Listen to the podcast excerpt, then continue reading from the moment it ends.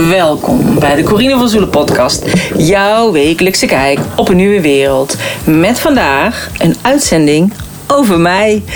En uh, waarom zou je denken, hè? waarom over mij, Corine? Nou, ik was bezig met mijn website en ik wilde de over mij pagina opnieuw doen. En um, nou, meestal ga ik dan een beetje zo op onderzoek uit. Wat moet hij dan aan voldoen? En ik heb natuurlijk zelf al een, een pagina geschreven. Maar ik wilde hem toch nog weer een beetje aanpassen. Een beetje fine-tunen. Eén keer in de zoveel tijd doe ik dat. En... Um, en ik dacht, ja, weet je wat eigenlijk leuk is? Als ik gewoon wat feitjes, wat korte feitjes over mezelf opschrijf in plaats van zo'n verhaaltje. En toen um, ja, had ik in één keer niet een paar korte feitjes, maar had ik heel veel korte feitjes. Dus um, toen dacht ik, ja, weet je wat? Ik maak er een podcast over. En omdat ik natuurlijk een podcast al heb sinds 2018, is het misschien wel leuk om een podcast te maken over mij. Dus dat je in plaats van dat je de over mij pagina leest, dan kan je hem luisteren. En dat hoeft natuurlijk niet. Dus ik zal inderdaad de pagina nog gaan aanpassen, misschien wat feitjes erbij zetten. En dan sowieso verwijzen naar deze podcast, podcast 211. In deze podcast ga ik ook nog verwijzen naar andere podcasts, omdat ik je een beetje ga vertellen over hoe bij mij het ondernemersavontuur is begonnen. En verwijs ik dus naar eerdere podcasts waarin ik dan bijvoorbeeld dat betreffende onderwerp ook heb uh, besproken. Dus het wordt eigenlijk een beetje een soort van audio uh, CV of zo van mij. Maar dan eigenlijk privé en bedrijfsmatig. Eigenlijk een beetje gecombineerd. Nou, um, ja, heel veel mensen die volgen mij al heel lang. Maar ik heb ook heel veel nieuwe mensen die mij volgen. En zelfs vandaag kreeg ik nog een berichtje zo van... heb jij een podcast? Terwijl ik denk, ja, uh, ik heb er al superveel. Ik ben al sinds 2018 aan het podcasten... terwijl toen heel veel mensen nog niet eens wisten wat ik bedoelde... als ik vroeg, mag ik je interviewen? Uh, en dat is eigenlijk wat ik mijn hele leven heb. En vanuit de Human Design, en ik heb er al eerder over verteld... vallen er gewoon heel veel dingen op zijn plek. Ik heb ben manifesting generator en ik ben een 1-3. En dat betekent met vallen en opstaan leer ik. En ik ga je ook zo meteen uh, mijn verhaal dan vertellen. Aan de hand van wat korte feitjes. En dan zul je ook merken dat het inderdaad met vallen en opstaan is. En ik vond het echt altijd heel vervelend. Dat ik dacht, jeetje, daar ga ik weer. Waarom kan het nou nooit eens een keertje normaal bij mij? Bij sommige mensen lijkt de weg recht uh, recht vooruit. Maar ja, lijkt, hè, je weet nooit hoe dat echt is. Bij mij is die altijd helemaal krom, met heel veel omwegen. En uiteindelijk kom ik er ook, uh, alleen altijd langer dan dat een ander erover doet. En heel vaak denken mensen dat het bij mij allemaal heel soepeltjes verloopt. Nou, als je me echt kent, dan weet je dat dat niet zo is. Uh, maar ik ben altijd eerst inderdaad alles aan het onderzoeken. En dat is de 1 en dan de 3 uh, vanuit de Human Design. Dat is dus de vallen en opstaan. En dan weet ik uiteindelijk wat er allemaal fout kan gaan. En daardoor kan ik daar nog beter een ander voor uh, mee helpen en begeleiden. Omdat ik weet van, nou ja, je kunt het zo doen. Maar dit is toen bij mij fout gegaan. En het hoeft natuurlijk niet bij jou zo te zijn. Uh, iedereen moet juist zelf proberen op zijn eigen manier. Maar dat is wel um, ja, waardoor ik dus kan spreken vanuit ervaring. Nou, ik ben geboren en getogen in Brabant. En uh, ik heb daar eigenlijk gewoond tot mijn negentiende. Uh, en daarna ben ik op kamers gegaan in, uh, in Arnhem. En oh, ik zal nog heel even bij zeggen, mocht zijn als je dus al die linkjes wil weten van andere podcasts, die staan natuurlijk allemaal in mijn show notes pagina www.corinevanzoelen.nl slash podcast 211. Nou, uh, ik ben dus geboren in Brabant. en uh, ik was als kind was ik eigenlijk altijd heel creatief. En uh, zo heb ik bijvoorbeeld samen met mijn, met mijn nichtje heb ik ooit een Hondopoly spel bedacht. En dat was een variatie op Monopoly. En um, ja, ik was helemaal... ik had een hondje, die heette Moppie. En zij had een hondje, die heette Blackie. Die van mij was een poedel en die van haar was een, een tackle. Nou, dat waren natuurlijk de duurste straten. Dat begrijp je wel. Dat is de, de Kalverstraat... Uh, was een variatie op de, op de tackle en op de, en op de poedel. Uh, maar voor de rest hadden we alle straten waren hondenrassen. En in plaats van kans en algemene fonds hadden we reu en teef. Vond ik echt heel goed bedacht. En in plaats van ga naar de gevangenis, ging je naar de dierenarts. En had je hond een prijs gewonnen uh, met een schoonheidswedstrijd. Of moest je de rekening van de dierenarts betalen. Of hij moest dan naar het asiel. Of je moest er uh, mee naar de trimsalon. Nou ja, noem maar maar op.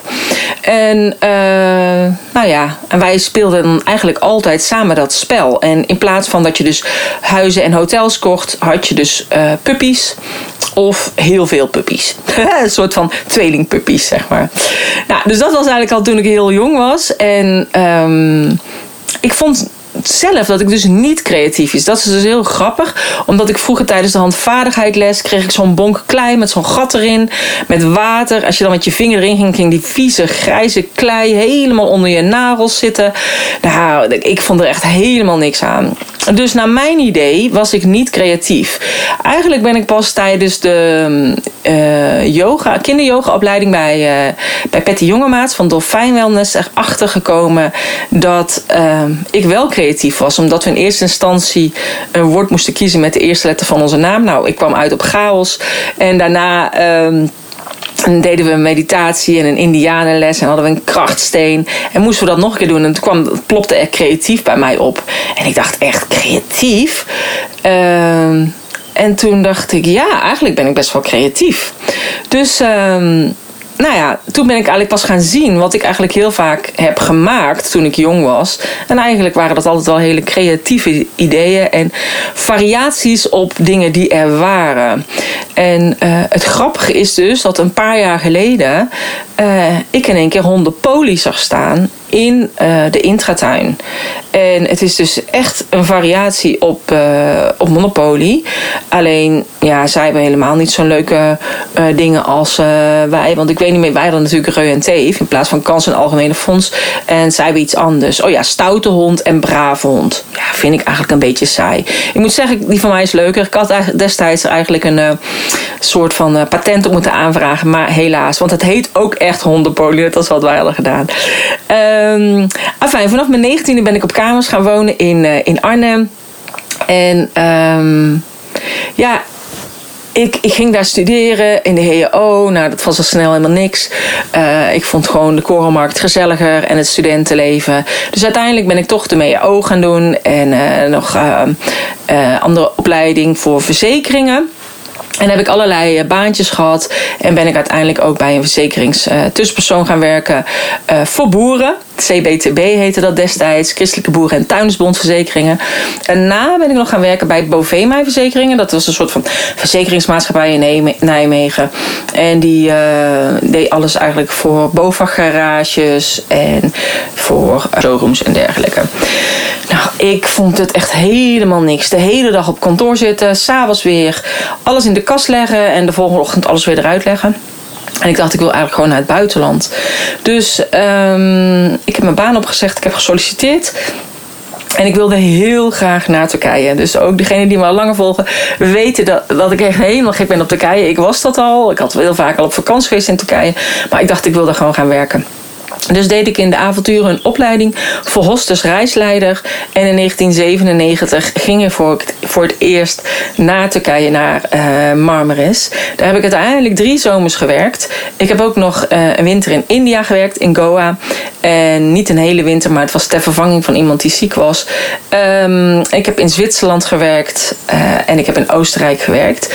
Maar Turkije is natuurlijk altijd nog mijn favoriete land. En ik vond het echt fantastisch om in het buitenland te werken en om gewoon dingen te ontdekken. Maar ook, zoals in Turkije, om excursies te ontwikkelen. er zijn natuurlijk vaste excursies, zoals uh, de Jeep Safari en naar Dalyan met de Schildpaddeneiland en naar Pamukkale. Dat is zeg maar zo'n wit kasteel heet dat uh, vanuit het Turks. Uh, maar we deden een kroegentocht en ja, gewoon andere dingetjes. En ja, dat vond ik echt super tof. En uiteindelijk heb ik mijn man ontmoet in Turkije. En daar heb ik ook ooit een podcast over opgemaakt. En uh, dat was in uh, de zomer van 1998. En samen zijn we toen in 1999 teruggegaan naar uh, Turkije. Hij heeft zijn baan opgezegd, hij is me bij meegegaan. En we hebben samen uiteindelijk ook in Oostenrijk gewerkt. Nou, normaal gesproken deed ik elke dag bellen met mijn vriendinnen. Alleen ja, als je dan in Turkije woont, Zwitserland, Oostenrijk, is het een beetje onhandig. Dus wat hadden we bedacht?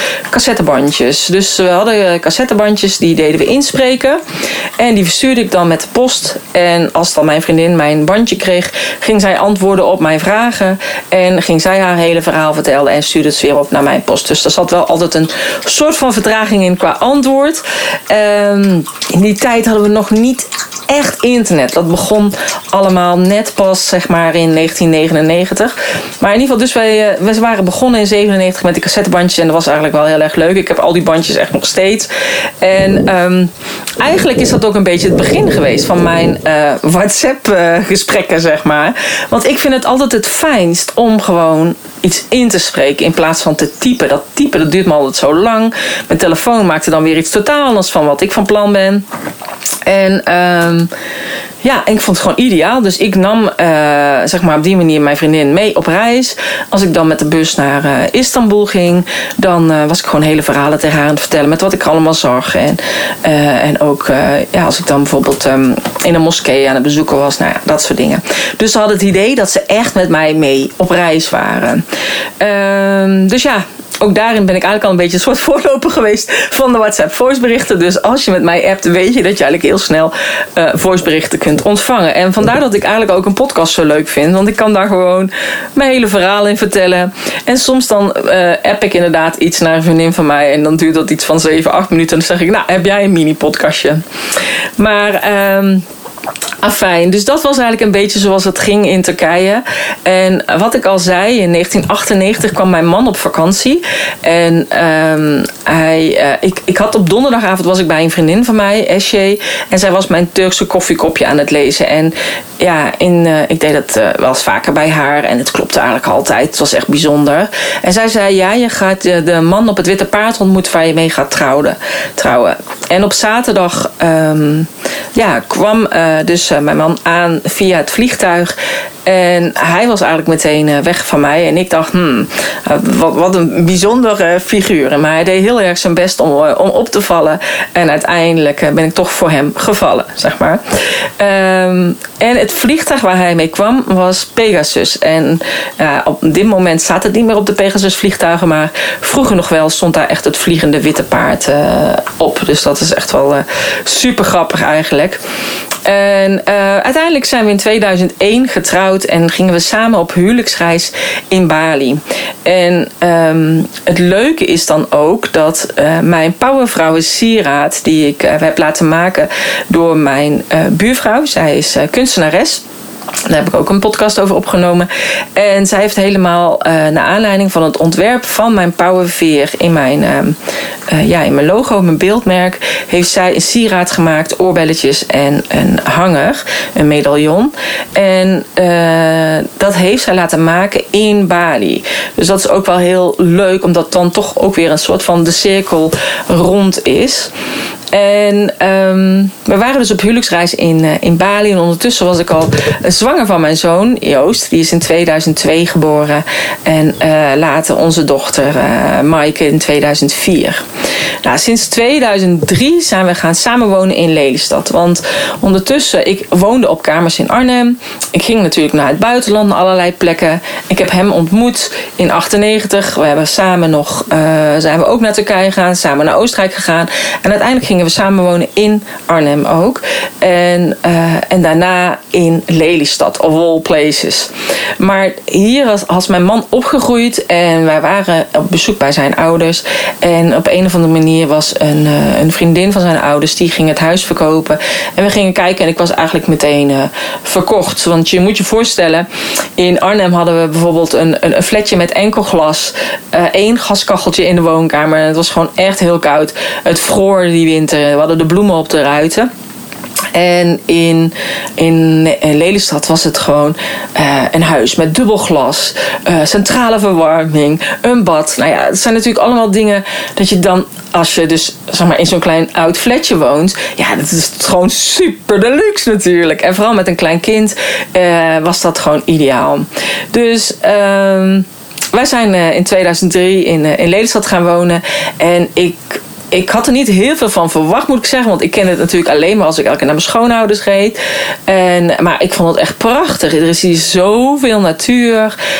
Um, zoveel bossen heb je. Tuurlijk zijn ze allemaal aangelegd. Alleen, omdat het zo lang geleden is, zie je dat niet meer. Dus het is echt heel mooi. En ook als ik met mijn honden de deur uitloop, ben ik eigenlijk meteen uh, in het bos. Dus echt super fijn. Nou, ik ben uh, de pabo gaan doen. Terwijl ik uh, ja, toen was ik nog niet zwanger van Maaike, maar Joost was wel al geboren. Dus ik ben de pabo gaan doen. Daarna werd ik zwanger van Maaike. En in plaats van vier jaar heb ik hem in drie jaar gedaan. Uh, het werd me afgeraden op school. Maar ik dacht, ja, ik kan er altijd nog vier jaar over doen. En des te eerder ik klaar ben, des te beter. En uh, nu zijn de kinderen ook nog klein. Dus was het gewoon heel makkelijk. Als zij sliepen, dan kon ik uh, studeren. En, um, en zo heb ik eigenlijk de pabo afgerond. En ben ik gaan werken op school, op een Jenaplan school. Waar ik het echt altijd super naar mijn zin heb gehad. En vooral het werken met kinderen, maar ook het thematisch werken. En ook waarom ik uh, het leuk vond, is dat je gaat kijken van oké, wat willen de kinderen leren? En daar ga je dan eigenlijk wat bij bedenken. Dus mijn creatieve brein ging daar eigenlijk helemaal op los en ik kon doen wat ik wilde. Sommige collega's die dachten, komt Corine weer aan. Die heeft allemaal heel veel werk bedacht allemaal voor ons. En, maar bij mij blijft het dan maar stromen. En inmiddels weet ik ook vanuit de Human Design dat alle ideeën die ik heb, dat ik ze niet allemaal zelf hoef uit te voeren. Ik mag ze ook uit handen geven aan een ander. En dat vinden dus mensen die ik op dit moment begeleid, die vinden dat zo fijn. Want die denken, wauw, wat fantastisch dat je dat bedenkt. Jeetje, waar haal je dat allemaal vandaan? Je bent een of andere uh, bruisbal van ideeën en... Uh, super dankjewel, ik ga ermee aan de slag. Dus uh, ook daarin weet ik dat ik gewoon nu helemaal op mijn plek zit. Omdat iedereen nu blij is met mijn ideeën. En in het onderwijs dachten ze, nu moeten we weer heel veel werk gaan doen.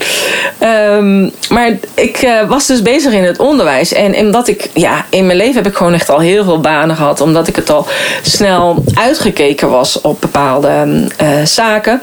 En... Um, voordat ook uh, ja, Joost geboren is, heb ik dan nog bij Bayer Tanetex gewerkt. Die was een uh, chem chemicaliënfabriek die eigenlijk um, chemische goedjes maakte om bijvoorbeeld je spijkerbroek blauwer te maken of bleker of bepaalde stofjes zachter. En uh, ze werkte natuurlijk met heel veel landen. Dus uh, met, met Rusland, Griekenland, Egypte, Turkije en daar is natuurlijk ook heel veel katoen. Dus ik had eigenlijk heel Turkije onder mijn uh, beheer, omdat ik ook Turks sprak. Maar ik vond dat gewoon niet meer leuk. En vandaar dat ik dus ook had gedacht, ik wil graag het onderwijs in. En in het onderwijs kwam ik er dus achter dat uh, ja, uiteindelijk komt elk jaar alles weer terug. Het is herfst, we hebben het weer over de herfstdieren, of we hebben het over de blaadjes, of we hebben het over de spinnetjes. En uh, ja, wilde ik eigenlijk ook graag weer wat, ja, wat weer variatie.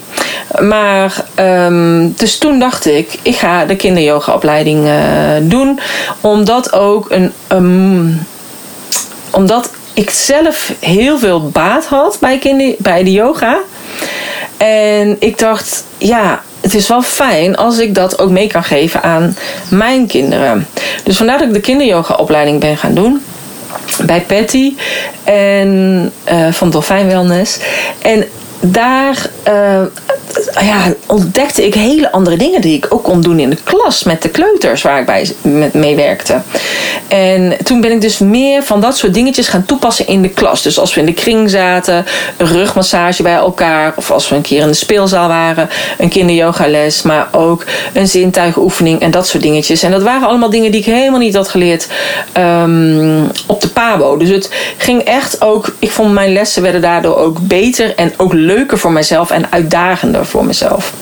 Nou, van daaruit um, was er dus een moeder die zei van ja, kun je niet kinderyoga geven aan mijn zoon? En ik zei nee, dat kun je bij die en die doen, die geeft kinderyogales. En zij zei van ja, maar uh, die heeft te weinig mensen. Dus die begint elke keer nooit. Die heeft te weinig kinderen. Dus daarna kwam ze bij mij en zei ze, ja, ik heb vier, ik heb zes, ik heb acht. Nou ja, uiteindelijk had ze tien kinderen. Dus dacht ik, nou, weet je, laat ik het dan maar gaan doen. Dus toen uh, ben ik op zoek gegaan naar een ruimte in een buurthuis. Want volgens mij zijn bijna alle yogadocenten daar begonnen. En ben ik uh, begonnen met dat groepje van tien en die vonden dat allemaal superleuk. En vervolgens ben ik op zoek gegaan naar een, uh, een andere ruimte. En uh, heb ik ook de gewone yogaopleiding ehm, gedaan. Nou, ik, ging me, ik had me ingeschreven bij de Kamer van Koophandel. Want ik dacht bij mezelf, ja, als ik ehm, ja, les ga geven aan kinderen, wil ik het ook wel goed doen. Dus wil ik ook ingeschreven zijn. Dus van alles geregeld, verzekeringen geregeld en noem maar, op. En toen ik dus begon met de, kinder, of met de volwassen yogaopleiding, um, ja, ging ik ook al snel ja, oefenen met de buren bij het buurthuis bij mij uh, om de hoek. Waar wij allemaal uh, mede-eigenaar van zijn. En um, nou, al snel liep dat uit tot uh, meerdere groepen en uh, ben ik een andere locatie gaan zoeken.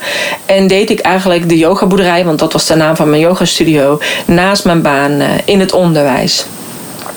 En dat was ongeveer sinds 2012. Nou, het was uiteindelijk was er natuurlijk heel veel. Want ja, als ik dan ergens enthousiast over ben, ja, dan ga ik, word ik er helemaal blij van en dan ga ik er helemaal in door. Dus inmiddels uh, was het 2015 en had ik 13 uh, yoga groepen naast mijn baan in het onderwijs. Dat had ik inmiddels, was ik wel minder gaan werken. En um, dacht ik bij mezelf, uh, elke keer als ik een feestje was, zeiden ze: Oh, jammer dat je zo ver weg woont, want ik zou ook wel graag yogales van jou willen hebben. Dus ik dacht, ja, eigenlijk zou ik dat gewoon online moeten kunnen doen. Maar ja, hoe doe ik dat? Waar begin ik? En um, ik heb er ook geen tijd voor. Want ja, ik heb school, ik heb mijn yogalessen, ik heb mijn gezin. Dus ja, het is allemaal best wel veel. En ondertussen deed ik allemaal bijscholingen. Ging ik ook nog de Doin yoga opleiding doen. Ik ging nog bij scholing doen over senioren yoga. Dus um, ja, ik had gewoon eigenlijk te weinig tijd. Vandaar dat eigenlijk ook het idee is ontstaan trouwens van mijn jaarkalender. Waarbij je twaalf maanden ziet. Omdat uh, die kun je dan zo op de deur hangen. En dan kun je precies zien hoeveel tijd je overal kwijt, ben, kwijt bent. Want uh, mijn man zei altijd van ja, je bent heel veel weg. En dan zei ik nee hoor, kijk maar. Je ziet hier precies op die kalender hoeveel uh, het lijkt zo. Dat is niet zo. En dan kon je dat op één oogopslag laten zien. maar dat terzijde. Um, totdat ik dus in 2015 van de trap viel. En ik brak mijn linker schouderblad. En daardoor was ik echt weken uit de running. En um, ik lag op de bank en uh, ja, je breekt dus niet zomaar je schouderblad. Dus ik had allemaal onderzoeken, is er dan iets mis met mijn botten? Nou, er was gewoon helemaal niks mis mee. Ik was gewoon echt verkeerd gevallen. Maar ik lag op de bank en ik kon dus eigenlijk helemaal niets. En ik dacht van ja, ik heb nu wel alle tijd om zo'n online programma te maken. Dus ik ging uh, in zee met een yoga business coach. Nee, niet met een yoga business coach, zoals ik zelf. Ik ging in zee met een business coach die ondernemers hielp om een online programma te ontwikkelen. En uh, met één hand heb ik het hele programma echt uitgetypt. In juni was ik uh, gevallen. En ik had ook echt allemaal hulp, want ehm, leerlingen gingen helpen met schoonmaken en gingen de yogadocenten die gingen invallen, die gingen ze helemaal opvangen en ze gingen thee zetten en zo. Dus dat was echt allemaal super lief. En ik heb echt bloemen gekregen en kaartjes en tekeningen van de kleuters, dus noem maar op. En ja, dus ik dacht, ja, dit, dit moet echt gewoon anders. En toen ben ik. Uh, dus een online programma gaan uh, ontwikkelen. Uh, met hulp van die business coach. En in uh, even kijken, januari 2016 had ik mijn allereerste challenge. En 1780 deelnemers deden daar mee. Dus niet alleen in Nederland en België, maar ook in Frankrijk, Spanje, Portugal, Italië, Zwitserland, Oostenrijk, Noorwegen, Turkije. Maar ook in Amerika, Vietnam en in China. Echt overal zaten Nederlanders die meededen met mijn challenge. En ik dacht, wauw, dit, ik heb de code gekraakt. Ik wilde mijn bedrijf val van de trap proef maken. En ik dacht, ja, ik kan dus ook mensen bereiken met een vooropgenomen video. Ze hoeven niet per se bij mij in de studio te zitten. Want van tevoren kreeg ik natuurlijk commentaar van mensen. En die zeiden van ja, dat werkt niet. En dan eh, als met blessures, je kunt dat niet in de gaten hebben. Je kunt nooit overbrengen via een video. Hoe dat is dan bij jou in de studio. Dus ik ging eigenlijk een beetje daardoor twijfelen. Maar ik dacht wel, toen ik het eenmaal deed en ik kreeg de reacties na de eerste dag, dat mensen zeiden: Wauw, ik voelde helemaal mijn stuitje. Oh, ik zag de kleur rood, ik voelde het tintelen. En uh, toen dacht ik: Zie, het maakt dus niet uit. Ze hoeven niet per se bij mij in mijn studio te zitten. Ze kunnen ook gewoon op een afstand uh, meedoen. En dan hebben ze dus, bereiken ze dus hetzelfde. En dat is ook echt iets wat ik mijn hele leven heb. Dat ik bij alles wat ik doe, uh, een soort van ja, uh, niet echt commentaar, ik weet niet hoe ik het moet uitleggen, maar een soort weerstand krijg uh, van mijn omgeving die zegt dat iets niet kan. En dat geeft mij juist vaak meer motivatie. Zo van nou, ik laat wel even zien dat het wel zo kan. Dus en, uh, en dat was dus ook in dit geval. En de allereerste ronde van mijn eerste zeven weken chakra yoga programma deden 63 deelnemers aan mee. En ik was natuurlijk super blij. En ja, ik vond het fantastisch. Ik had gewoon leerlingen in heel Nederland, in België, gewoon ook gewoon in Europa. Dus ik vond het echt um, super. En waarom had ik dan een programma gemaakt? Want in die tijd had je natuurlijk had je yoga uh, tv. En dat was vanuit Yoga Magazine. Dan kon je zeg maar zo'n abonnement nemen. Uh, en dan kon je allemaal video's krijgen van kijken. Van hele bekende yoga docenten. Ja, ik dacht, daar kan ik nooit tegenop. En Esther Eckhart die had ook allemaal uh, bekende yoga docenten die bij haar waren. En mensen betaalden daar ook elke maand voor. En die hadden echt wel 500 video's of zo. En ik dacht van ja, wat moet ik doen? Wat, wat maakt mijn manier van lesgeven nou uniek? Waarom heb ik een wachtlijst, zitten al mijn lessen vol? En waarom bij andere yogastudio's zitten te wachten op klanten en komt er niemand? En toen dacht ik, ja, omdat ik mezelf ben, doordat ik doe wat ik leuk vind, en dat is thematische yogalessen. Want vanuit de Jena-plan gaf ik natuurlijk ook themalessen. En daarom vond ik het ook zo leuk om een lessenserie te doen over chakra's. Of een lessenserie over meridianen. Of een lessenserie over aartsengelen. Of over de dosha's. Vata, Pitta, Kapha vanuit Ayurveda. Um, vanuit de zeven spirituele wetten van succes van Deepak Chopra. Dat vond ik altijd superleuk om ook die te doen tijdens mijn retraites. Dus ik heb in, uh, in Turkije een retreat gegeven uh, vanuit in, in een bed and breakfast. Uh, maar ook een keertje vanaf een Turkse boot. Dus ik vond het leuk om ja, eigenlijk te kijken wat voor thema past hierbij. En om daar dan een mudra bij te zoeken. Een ademhalingsoefening, yoga houdingen. Uh, mantra's, dus, uh, een geleide visualisatie. Dus dat eigenlijk alles gewoon kloppend was. En daar werd ik eigenlijk super blij van. En mijn leerlingen dachten elke keer: oeh, wat heeft ze nou weer bedacht?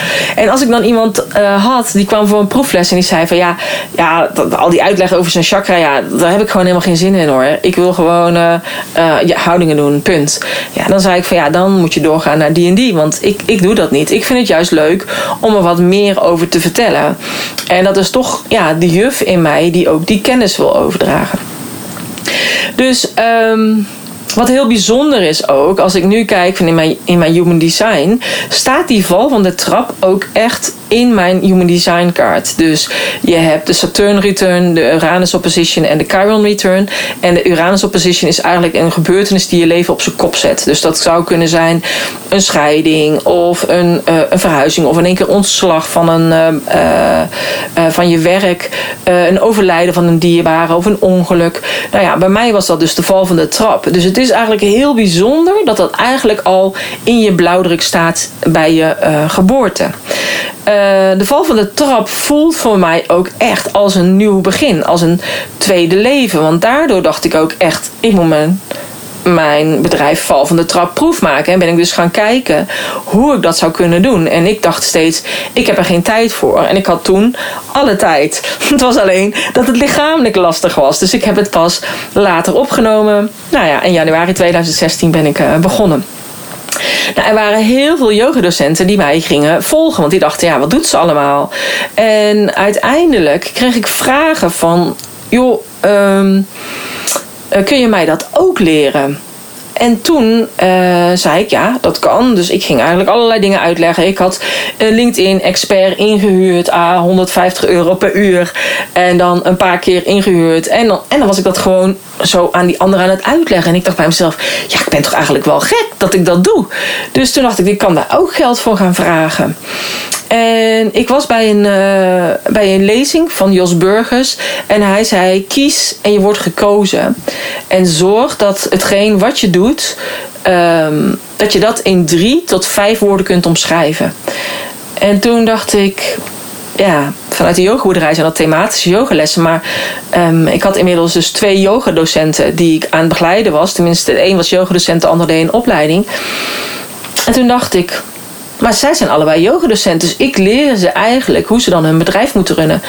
En toen heb ik dus de naam de Yoga Business Coach geclaimd. Want ik dacht, ja, dat zegt eigenlijk gewoon meteen ja, waar ik voor sta. Ik help de yogadocenten met hun business.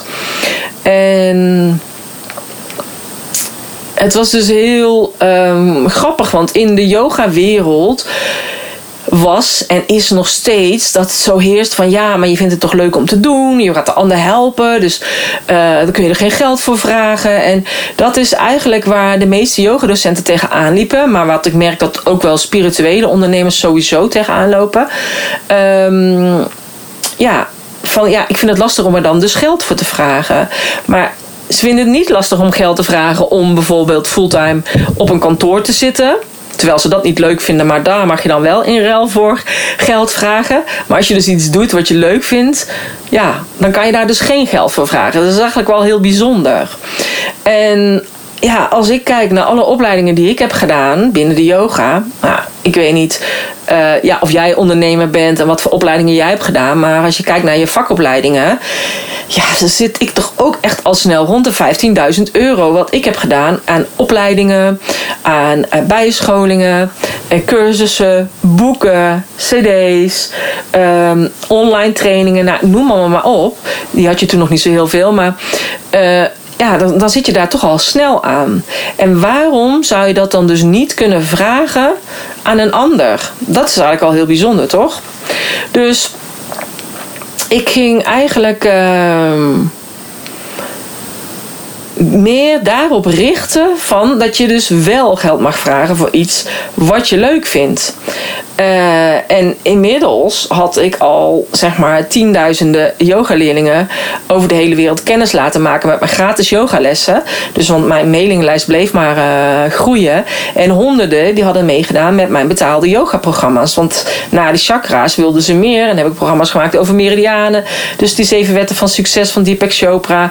Uh, over aardsengelen en noem maar, maar op. Dus ik heb gewoon meerdere online programma's gemaakt. En elke keer kochten ze een programma. En was het voor mij heel fijn, omdat het gewoon een afgebakend iets is. En ik daardoor dus niet honderden video's zou moeten opnemen. Want ik, uh, ja, ik zou het gewoon nooit kunnen opboksen tegen een Esther Eckhart of het Yoga Magazine. Uh, dus vanaf 2016 ging, kreeg ik die vraag en ging ik dus twee uh, vrouwen begeleiden als yoga business coach. En al snel uh, merkte ik dat zij allebei steeds dezelfde vragen hadden. En dat waren eigenlijk ook vragen waar ik zelf elke keer tegenaan liep. Dus ik dacht bij mezelf, ja, hier kan ik natuurlijk eigenlijk ook gewoon een programma over maken. En zo is de online training van bijbaan naar bedrijf ontstaan hoe je als, als yogadocent je bedrijf kunt bouwen. En ik vond het leuk om andere yogadocenten te gaan interviewen, maar ook yoga-opleiders en uh, de, de hoofdredacteur van het Yoga Magazine. Dus ik ging echt een beetje in de yoga-wereld heel veel mensen opnemen voor mijn podcast, die ik dus gestart ben in 2018.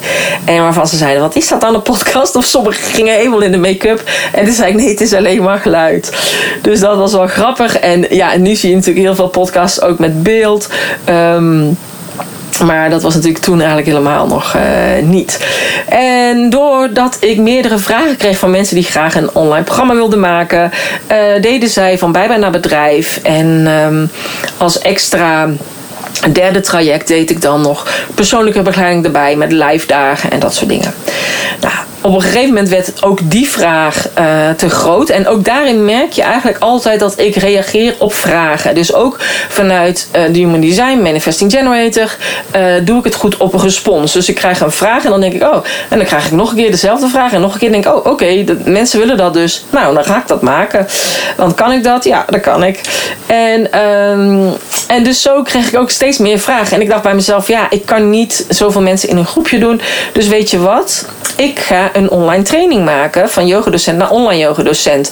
Zodat ze niet die live dagen hoeven komen. Want ik had ook mensen uit België. Dus die vonden dat best dan uh, vervelend van België. Maar naar Lelystad. En die maakten er dan wel een hotelovernachting van. En vonden ze het uiteindelijk hartstikke gezellig. Maar het is toch ja, wel een gedoe. En ik dacht van als ik dan alles in die training stop. Dan... Um, ja, kan ik ze op die manier ook helpen met het maken van een online programma. Dus in 2019 ben ik daarmee uh, begonnen. En ondertussen heb ik ook mijn uh, logo laten maken van de Yoga Business Coach. En daar kwam dus het Powerveer logo uh, bij met de.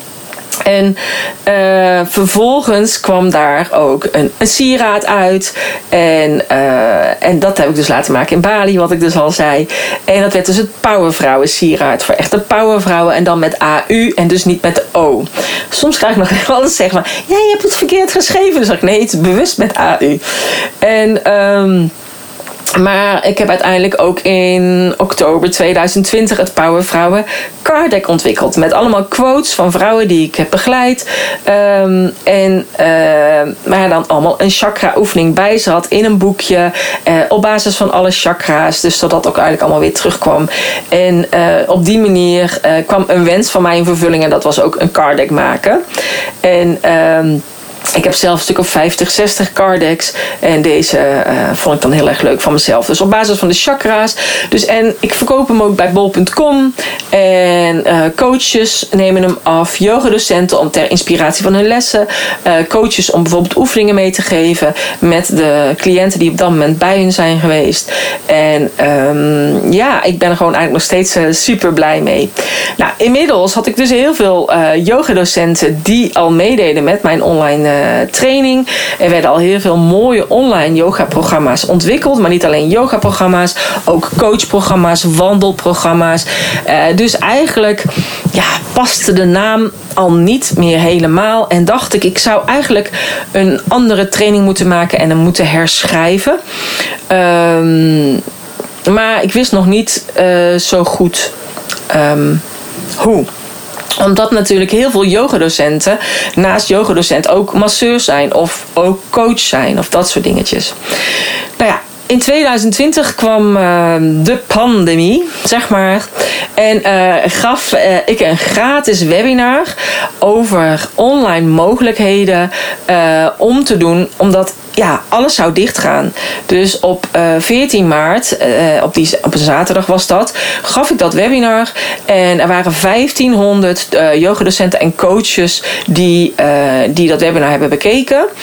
En, en iedereen dacht natuurlijk, wat moeten we doen, wat moeten we doen? Kijk, en zelf had ik in 2015 gaf ik ook uh, webinar yogalessen. Dus dat ik dus live yogales kon geven. En mensen deden dan vanuit huis mee. En ik had een, een leerling in Aruba en in Zwitserland en Nederland en België. En die in Aruba die keek altijd later terug. En dan op die manier gaf ik ook yogales. En ik vond dat echt eigenlijk magisch interessant. Want ik dacht, ja, normaal gesproken kan ik het 10 in mijn yogastudio hebben.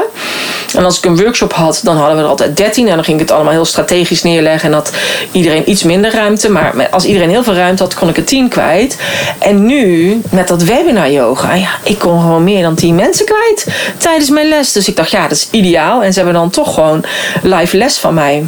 Maar ook daar had ik dat vallen en opstaan. Dus, en dat onderzoeken. Want uh, ik, uh, ik had geen goede microfoon. Ik had geen goede webcam.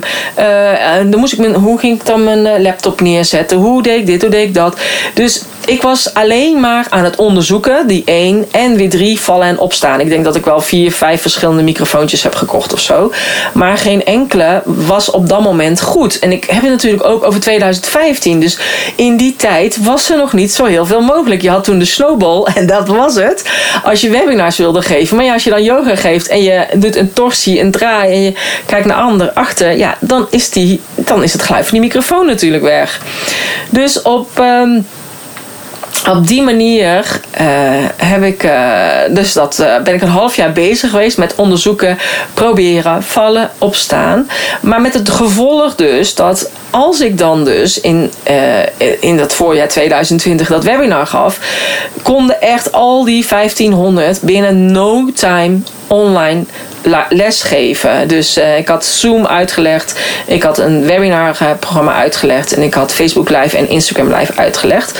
En ik was dan ook mega trots op alle docenten die meteen aan de slag gingen en die ik ook allemaal voorbij zag komen op Instagram. En, um, en het was echt zo bijzonder uh, hoe snel dat eigenlijk allemaal ging. En hoe snel iedereen het op kon pakken. Er waren natuurlijk meer mogelijkheden. Je kon meer uh, camera's kopen, microfoons en dat soort dingen. Dus dat was eigenlijk allemaal nu veel makkelijker als dat in mijn tijd was. Nu klink ik echt ouderwets in 2015. Maar in 2020 waren we natuurlijk alweer vijf jaar verder. Dus was er alweer veel meer mogelijk. Nou, en... Um, gaandeweg waren er toch allemaal wel rare dingen die aan de, aan de gang waren. En met het beleid en met de maatregelen. En ik dacht, ja, er klopt hier iets niet. Ik had gewoon een heel graag onderbuikgevoel. En um, dus ik ging vragen stellen op social media. En ik zei van, vinden jullie dit ook niet vreemd? Ook niet vreemd? Nou, sommige mensen werden boos. Uh, sommige mensen die, die deden heel lelijk tegen mij. En sommigen zeiden, wacht maar tot je zelf een geliefde hebt liggen op de IC. Of wacht maar um, als je dit zelf meemaakt. Maar ik dacht van ja, ik, ik, uh, ik zeg ook niet dat het niet zo is. Maar ik vind wel de maatregelen een beetje raar. En ik vond die persconferenties zo raar. Het leek wel gewoon alsof ze inderdaad een soort script aan het oplezen waren. En ook in alle landen was dat hetzelfde. Dus... Um, maar doordat ik vragen ging stellen, kreeg ik uh, commentaar uit mijn omgeving. Dus uh, in die yogadocentengroep waar ik zat. Maar ik kreeg ook heel veel andere ondernemers die mij daardoor juist gingen volgen. Dus de keer daarop dat ik weer een lancering deed met mijn training, kreeg ik ook de vraag van andere ondernemers die mij, uh, mij volgden: van kan ik ook meedoen met je training? Dus zo had ik een shamaan, een, een astrologe, een rouwtherapeut, voedingsdeskundige, personal trainer. Dus die ook echt alleen dat van beroep waren. Kijk, want als yogadocent ben je ook coach of als yogadocent ben je ook vaak masseur. Maar dit waren echt alleen masseurs of alleen maar um, uh, personal trainers. Dus dat was echt heel uh, bijzonder. Dus de naam van yogadocent naar online yogadocent paste eigenlijk ja, echt niet meer. Dus ik dacht, ik moet daar iets. Uh, ik moet hem gaan herschrijven. En dus dat was eigenlijk een beetje wat ik zo had bedacht. Um, voor de zomervakantie van 2021. En ik was een beetje zo al dingetjes op papier aan het zetten. En ik dacht, nou, dan ga ik er na de zomervakantie mee aan de slag. En uh, ja, en dat was het plan. Alleen toen sloeg eigenlijk het noodlot uh, toe omdat we hadden vakantie en ik heb dat ook uh, ja, heel kort ooit verteld. Ook in een podcast. Ik heb het nooit echt heel uitgebreid verteld. Uh, ga ik nu ook niet heel uitgebreid doen. Maar we hebben vakantie en uiteindelijk we, we komen thuis. En uh, mijn dochter werd ziek. En een paar dagen later werd ik ziek en, en mijn man. En um, ja, ik ben zelf longpatiënt. Dus daarom ben ik uiteindelijk ook op een gegeven moment minder yogalessen gaan geven. omdat ik sarcoïdose had. Dat is een soort van littekenweefsel in je long. Nou, ik zie mezelf niet als longpatiënt. Ik, ik zeg eigenlijk altijd, ik heb de diagnose uh, sarcoïdose. Maar uiteindelijk, ja, ik gebruik geen puffer. Het gaat helemaal goed of zo. Ik heb, ik heb nooit echt gebruikt. In het begin had ik wel prednison, omdat het gewoon te veel uh, pijn was. Ik had een soort van reumatische klachten. Ik kon niet lopen op mijn voeten. Uh, het was echt heel bijzonder wat er allemaal uh, was in mijn lijf. En ik snapte niet wat er aan de hand was. En, en ja, helaas moest ik dus toen prednison nemen om alles een beetje um, ja, tegen te gaan. En heb ik er nu al heel lang geen uh, last meer van, gelukkig. Um, vandaar dat ik ook echt absoluut geen mondkapje wilde dragen. Want ik kreeg het alleen maar juist benauwd van. Terwijl mijn uh, dokter dan zei dat ik het juist wel moest dragen. Dus ik dacht van ja, wat een, wat een, wat een gek advies. Maar afijn, uh, wij werden dus ziek. En, uh, en, mijn man werd alleen maar nog erger ziek. Dus op een gegeven moment wilde hij graag naar het, uh, het ziekenhuis. Dus ik heb de, de ambulance gebeld. En, um, en is hij dus naar het ziekenhuis um, gegaan. Wij mochten niet naar hem toe. En, uh, want wij moesten in quarantaine. En um, op de vijfde dag zouden wij naar hem toe mogen. En op dag vier hebben zij hem naar de IC gebracht. Dus we hebben hem eigenlijk niet meer gezien. Nou, um, we hebben elkaar wel natuurlijk even gebeld. Uh, heel kort, omdat hij natuurlijk gewoon niet veel energie had. En um, ja, en zo is hij eigenlijk dan naar de IC gegaan. En uh, ja, toen wij hem dus eigenlijk voor het eerst weer zagen, toen uh, lag, lag, hij al in coma. En dit heeft ja, bijna drie weken geduurd, zeg maar. Dat hij dus daar lag. En eerst werd hij verhuisd van Harderwijk naar Almelo, van Almelo naar Harderwijk. Weer terug. En uiteindelijk hebben ze de beademing ehm, stopgezet en is hij overleden. Dus ja, zo ben je dus vakantie aan het vieren. En, en zo ehm, ja, ben je je man kwijt. En zijn je kinderen in één keer uh, hun vader kwijt. Op dat moment waren zij uh, um, ja, ook nog hartstikke jong natuurlijk. En um, ja, en ik eigenlijk ook. Ik bedoel, ik was 49. Ik verwacht niet dat je op je 49ste weduwe wordt natuurlijk. Um, heel veel mensen zeiden toen tegen mij: ja, nu ga je dat vaccin natuurlijk wel nemen. Of doe het dan voor hem. En ik dacht, nee, want ik heb gezien hoe het eraan toe ging. En iedereen zei als je zou dagje mee moeten lopen met IC. Nou, ik heb het nu gezien. Het was niet druk. Op de radio was het druk, maar het was niet druk. En uh, hij lag alleen op een afdeling waar er dan drie patiënten zouden moeten liggen. Of totaal acht bedden in Harderwijk. En er waren er drie bezet, waarvan hij de enige was met, uh, met uh, de diagnose corona. En als je dan kijkt hoe Harderwijk, wat die voor omgeving beslaat. Dus ja, eigenlijk de hele uh, polder, Lelystad en het hele gedeelte rondom Harderwijk. Dus nee, ik stond eigenlijk nog steeds achter alles ja, wat ik eerder ook al zei. En ondanks wat we mee hadden gemaakt. En op dat moment um, besefte ik eigenlijk ook hoe, um, hoe dankbaar ik was. Um, van de tijd die we samen hebben gehad. De vakanties die we hebben gemaakt met de kinderen. We hadden altijd een camper. We hebben rondgetrokken naar uh, Italië, Frankrijk, naar uh, Denemarken, Legoland. Frankrijk, Euro Disney. Nou ja, dus noem maar op. Dus we met de, met de, met de camper zijn we naar Turkije gereisd uh, in 2018. En uh, ja, we hadden gewoon heel veel mooie dingen meegemaakt. En ik ben dankbaar voor de kinderen die we samen hebben. Ik was ook heel dankbaar voor mijn bedrijf. En voor de keuze die ik heb gemaakt in 2015 door mijn bedrijf Val van de Trap proef te maken. Want mijn bedrijf liep gewoon door. Ondanks dat ik elke dag op en neer reed naar Almelo. Um, ondanks dat ik de uitvaart moest regelen. Ondanks de hele rouwperiode die er daarna uh, was. Uh, ik hoefde me geen zorgen te maken met een... Met een school waar ik anders had gewerkt. En had ik dan, weet je, naar de bedrijfsarts gemoet. En van wanneer ga je weer beginnen of weet ik veel wat. Nee, ik kon gewoon zelf mijn tijd indelen. Mijn trainingen liepen door. De deelnemers deden gewoon lekker hun ding in hun eigen tijd en tempo. En zelf kwam ik live en gaf ik coachcalls en kon ik ze begeleiden daar waar nodig. Maar was het voor mij ook heel goed, um, goed te doen. En de hele betekenis achter die powervrouwen, ja, die heeft voor mij wat dat betreft toen ook een hele andere eh, invulling gekregen. Want ik dacht, ja, ik snap nu pas echt wat een powervrouw is. En ook om meer die zachtheid in jezelf te zoeken. Hè? Dus misschien daarom ook die A, AU. En um, dat, je trots, dat ik trots mag zijn um, op hoe ik alles uh, gedaan heb. En vooral het eerste jaar. Um, hoe ik zelf ben blijven staan. Uh, mijn kinderen, hoe die het doen door alle weerstand die we hebben gehad. En alle tegenslagen ook bij school van mijn dochter. Zij is drie keer gewisseld. En nou ja, weet je, dan zijn er dat soort dingen die dan extra zwaar wegen. Um, dus ja, ik ben echt heel... Uh, ja, dankbaar dat, dat, dat ik destijds die beslissing heb genomen. En, en eigenlijk kan ik daardoor ook iedereen aanraden om, om te zorgen dat, dat je ook je bedrijf val van de trap proef maakt. Zodat je als er iets is met jou of je dierbaren of je hebt even niet de aandacht en de tijd in je bedrijf, dat het toch doorloopt. En uh, ja, da daarom is het ook belangrijk dat je niet alleen maar uurtje factuurtje doet. Of dus echt alleen maar op moet komen draven en dan pas je inkomsten kunt genereren. En ik weet dat er heel veel mensen zeggen van ja, maar dat kan niet in mijn beroep.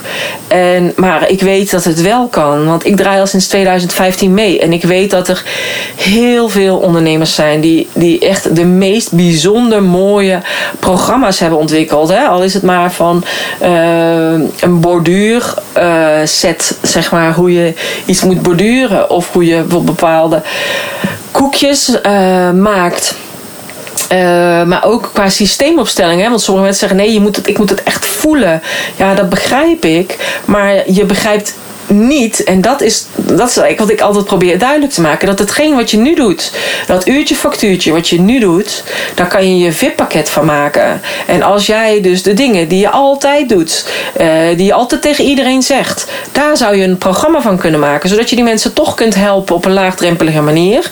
En de mensen die echt met jou willen samenwerken, die willen dan echt live naar jou toe komen en die willen daar dan ook een hogere prijs voor vragen. Dus hetgeen wat je nu doet, kun je dan dus doen voor een hogere prijs. En op een of andere manier blijft dat lastig om dat aan een ander uit te leggen. En ja, toen ik de, de keus maakte om yoga te doen, vonden mensen dat raar en zweverig. En eh, toen ik daarna nog vegetariër werd, zei ze: God, nu wordt ze ook nog weer vegetariër. Toen ik online ging, oh, nu gaat ze weer online.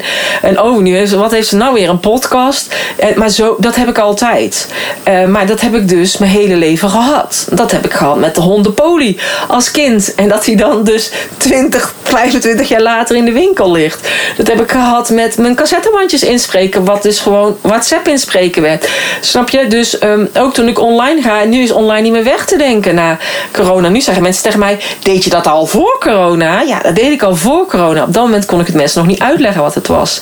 En sowieso, een online programma maken is anders dan een coachsessie via Zoom of via een webinar. Weet je, een programma is een eenmalige tijdsinvestering, een geldinvestering en het kost jou energie.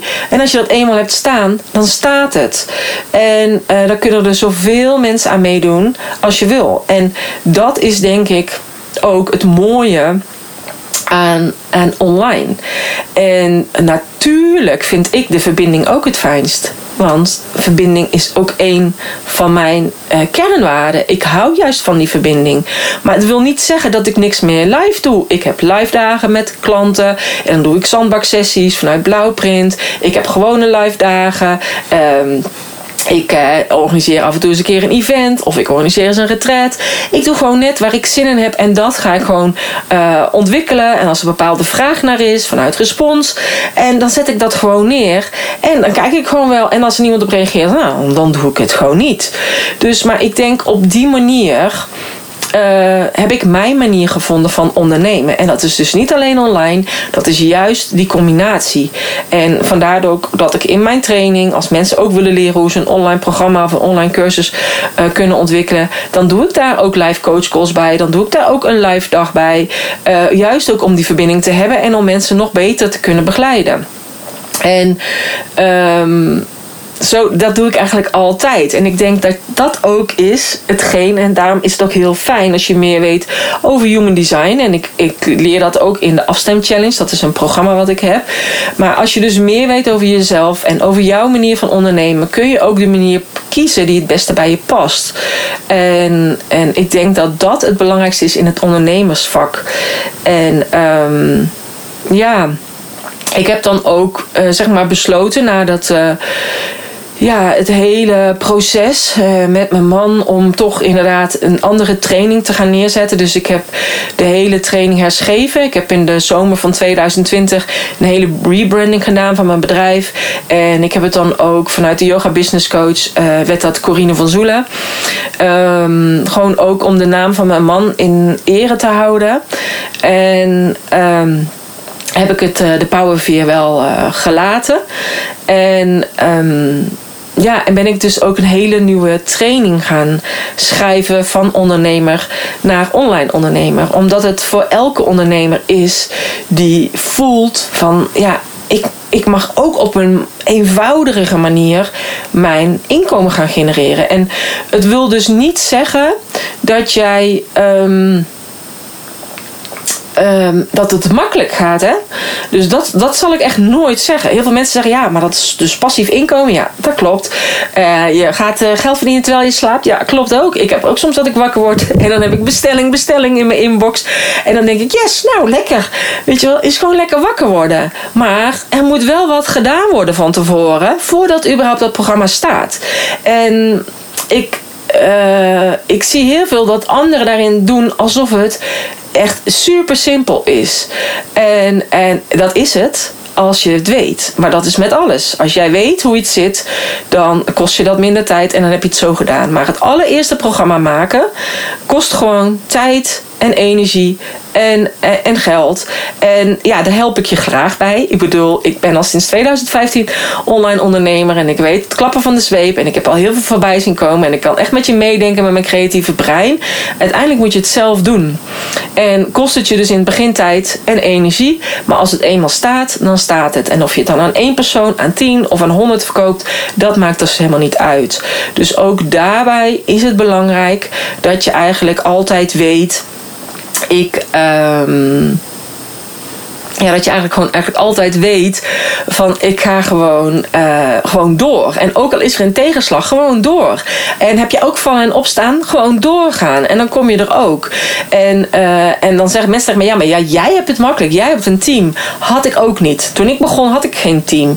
Nu heb ik inderdaad een team. Heb ik iemand die, doet, die kijkt naar mijn website. Iemand die doet mijn online academie waar al mijn programma's op staan. Ik heb iemand die doet mijn podcast. Iemand doet mijn video's. Dus ik heb inderdaad een team. Iemand voor mijn social media. Maar dat had ik eerst niet. Dat is langzaamaan gegroeid. En als ik dat kan, kan jij dat ook. En, um, en aan mij zal het niet liggen. Ik geef altijd de volle 100%. Maar jij moet het zelf doen. En het is dus geen magische pil van oké, dit neem je nu en dan heb ik dan en dan mijn programma staan. Dus um, als je met mij in zee gaat, ik heb een training en uh, die heet van ondernemer naar. Daar kun je gewoon op kijken. Dus niet alleen dat ik je help met wat voor programma ga je maken, maar er zit ook echt een heel stuk persoonlijke ontwikkeling bij. En um, naast je persoonlijke ontwikkeling, naast het, uh, het meedenken naar wat voor programma jij wil maken zit er ook je eigen online academie bij. Waarbij je eigenlijk zoveel mogelijk um, programma's kunt plaatsen zoals jij wil. Dus um, het, hoeft, het hoeft niet bij één programma te blijven. Je kunt er tien maken of je kan er honderd maken. Het komt allemaal op je eigen online platform te staan. En er is ook technische ondersteuning uh, bij. Dus het is eigenlijk van A tot Z. Um, eigenlijk moet je het zien dat je echt een hele academie erbij krijgt. Een soort van nieuwe website. Nou, um, voor elke deelnemer maak ik ook geld over naar uh, een stichting voor straathonden in Turkije. En dat komt ook omdat ik naast uh, mijn eigen hond. Uh, ja, ik heb twee honden. Dus Dushi, die hadden we al. Hele kleine Jack Russell, Black and Tan. Heb ik ook een Turkse straathond, Raya. En die is bij ons sinds 2022. En we zijn echt heel blij met haar. We zijn heel blij met allebei onze hondjes. En, um, en wil ik graag ook die stichting steunen. Dus um, voor iedere deelnemer doe ik dat. En vind ik het ook heerlijk om te wandelen uh, met de honden. Nou, mocht het zijn als. Uh, als jij denkt, jeetje, wat een uh, verhaal, Corine. Nou, dit, je, je, hebt nu in de gaten waarom ik dacht, laat ik er maar een podcast van maken. Want wat ik al eerder zei. Um, voor die korte feitjes, ja, uiteindelijk was het toch wel uh, veel meer.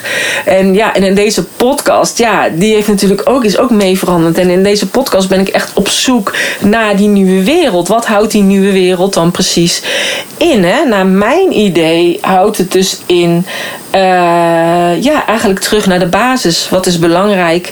En dat is het gezinsleven. Uh, maar dat is ook je eigen moestuin. Vroeger hadden we ook een moestuin. En uh, mijn oma had een moestuin. Mijn moeder had een moestuin. Als ik uit school kwam, haalde ik de pultjes uit de tuin. Haalde, moest de sla plukken. we hadden kersen, die werden ingemaakt in wekflessen. En dat deden we bij ons toetje. we hadden appels, een appelboom. En dan maakten we appeltaart van een appelmoes. En ik... In, ik denk dat we weer teruggaan daarheen, naar die basis, hè, naar onze eigen kippetjes en dat soort dingen. En tevens denk ik ook, en dat is ook de tijd, gaan we richting het hele online gebeuren. En ook dat is nieuwe wereld. En ik vind het dus ook heel mooi om in mijn podcast uh, ja, verschillende mensen ook te interviewen die verschillende invalshoeken hebben. Dus echt en vanuit het hele online stuk. Uh, van wat er allemaal mogelijk is qua techniek en online tools en hoe mensen dat inzetten. Maar dus ook eigenlijk het hele stuk van terug naar de basis. Omdat dat naar mijn idee gaat het eigenlijk toch hand in hand samen. En als jij ook zelfvoorzienend bent, ja, is het heel fijn als er passief inkomen binnenkomt vanuit een online programma. Waardoor je ook de tijd hebt om in je moestuin te werken.